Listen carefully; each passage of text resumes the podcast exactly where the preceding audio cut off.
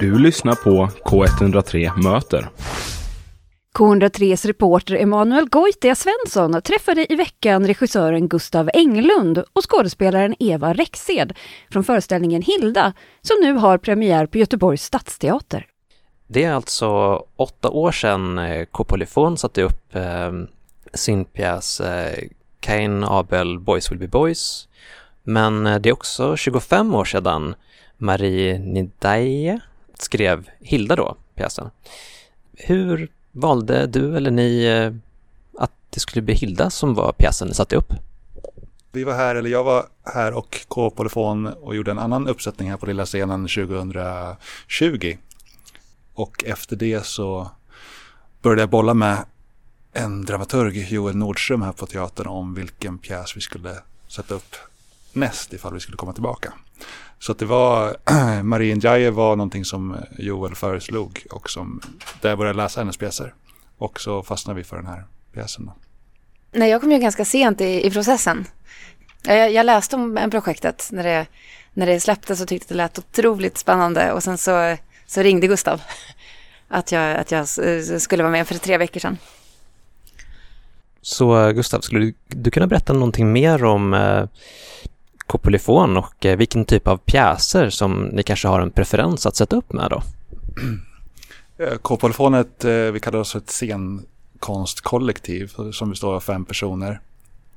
Eh, där vi jobbar tillsammans återkommande för att liksom hålla en längre, ett längre konstnärligt samtal igång. Att liksom ta oss med oss erfarenheter från ett projekt in i, in i ett annat.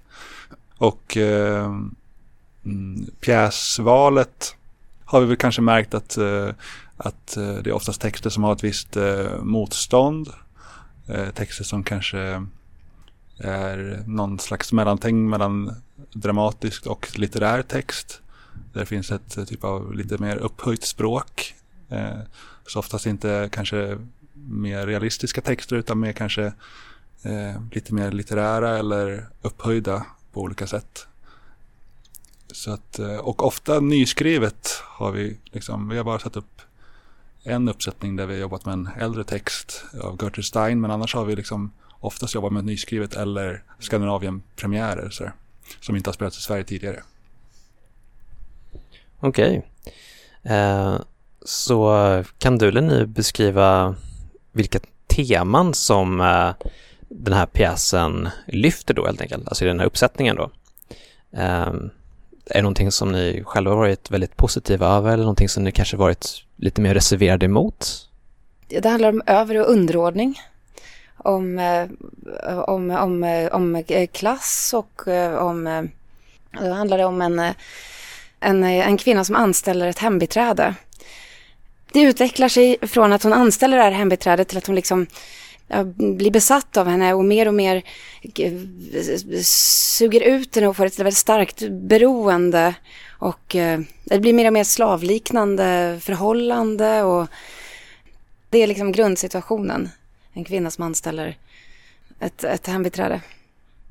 Kan du säga något eh, snabbt om temat i pjäsen? Är det någonting du varit reserverad över, Gustav?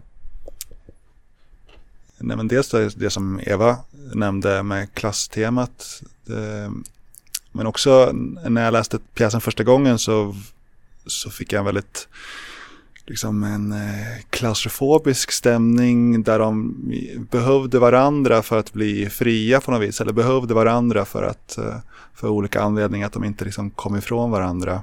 Och att liksom de, men att det i sig liksom gräver dem längre och längre ner i någon typ av Eh, spiral.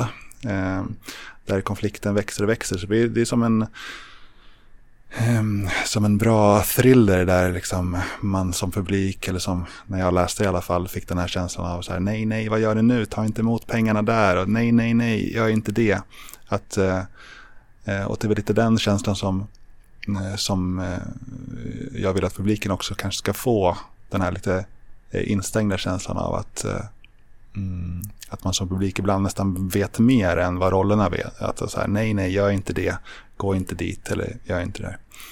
Eh, och rent tematiskt tycker jag det handlar om arbete och synen på arbete och eh, synen vad, vad det innebär att eh, ha ett arbete och att eh, synen på att man ska liksom tycka om sitt arbete, att man ska lägga in hela sin själ i sitt arbete, att eh, det avkrävs en eh, eh, än idag, att man ska liksom vara där med hela sig själv, hela sitt jag i sitt jobb och att det inte är bara frågan om eh, liksom ett arbete som utför en viss uppgift utan att det, man ska tycka om eller varför inte, varför eh, engagerar sig man inte mer rent känslomässigt i det arbetet man lägger in.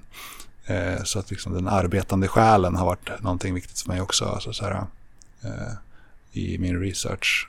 Alltså, att man liksom vill he ha hela människan i, i den, den, eh, den situationen. Då.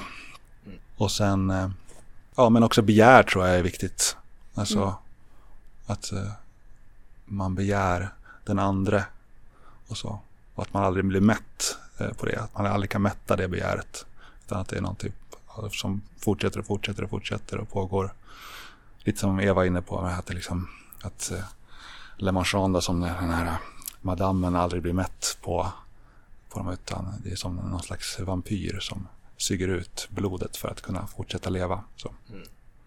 Det nämns ju på hemsidan till exempel att pjäsen har vissa teman liksom i, det verkar att man avskriver sig autonomi liksom för att jobba helt enkelt liksom och mm. en viss frihetsbegränsning. Vad mer kan en teaterälskare få förvänta sig av att gå och se Hilda? Mm, bra text, bra skådespeleri, eh, fint koncept, jättefin, eh, fint rum som scenografen Annika Toste har gjort.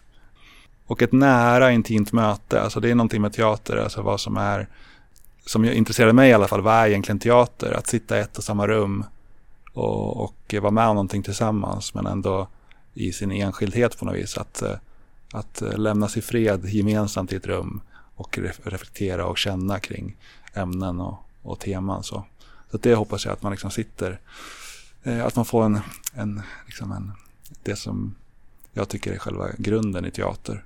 Alltså så här, bra skådespeleri, bra text och sitta tillsammans. Premiären blev ju framskjuten då. Har ni, hur har ni sett på tillsättning av en ny roll? Hur, eh, hur har du känt att hoppa in i den här pjäsen eh, då, helt enkelt, Eva? Eh, jag, jag har aldrig gjort något liknande. Alltså det är så här, det är, en, det, det är som en centrifug. Vi, det är som att det är, eh, vi jobbar i extremt, det är som att man undersöker allting och, och prövar allting och, och kastar sig in i någonting. För att det är så, dels för att det är så omfattande och att det är så eh, enormt komplext och så himla många val att, eh, att göra och så mycket sådär, hur ska man, hur ska vi göra det här mest verkningsfullt och hur ska det här bli värst och hur, hur ska det balanseras? Det är ju inte bara text utan det är också, det är ju hela, och hur ska vi hitta själva själva formen och själva språket och, och, och tilltalet i rummet och nivån. Det är liksom, eh, det är en enorm utmaning. Det är fruktansvärt roligt. Om vi, om vi tar Gustav igen då. Var skulle du placera Hilda som samhällsskildring? Är den, skulle den vara tidslös eller hur tror du att folk skulle se på pjäsen om kanske 50 år? Nej, men jag tycker att den är så lite anakronistisk, att den liksom pågår på flera tidslager samtidigt. Alltså Marie Njai som har skrivit den har ju skrivit dels utifrån ja, Jungfruleken, Jean Genets Jungfrulek, som också handlar om det här begäret efter eh, liksom, eh, kring, mellan olika klasser så. Men där är det liksom det motsatta, att det är hembiträdena som, som leker och begär madame då. Här är det liksom som att det är madame som begär eh, arbetaren eller hemhjälpen. Så jag tycker att den pågår liksom på fler tidslager samtidigt. Och, men jag tycker också att eh, jag tycker om när föreställningar säger någonting om här och nu. Eh, om vår tid. Den är skriven 99.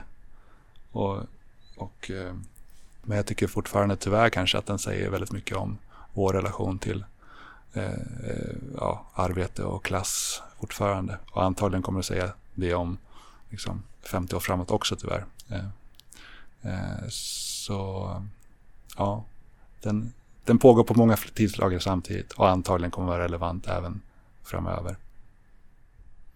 Okej, då tänkte jag att vi avslutar den här intervjun och att eh, vi repeterar bara om premiären helt enkelt. Var kan vi se den, när och eh, hur länge den går helt enkelt?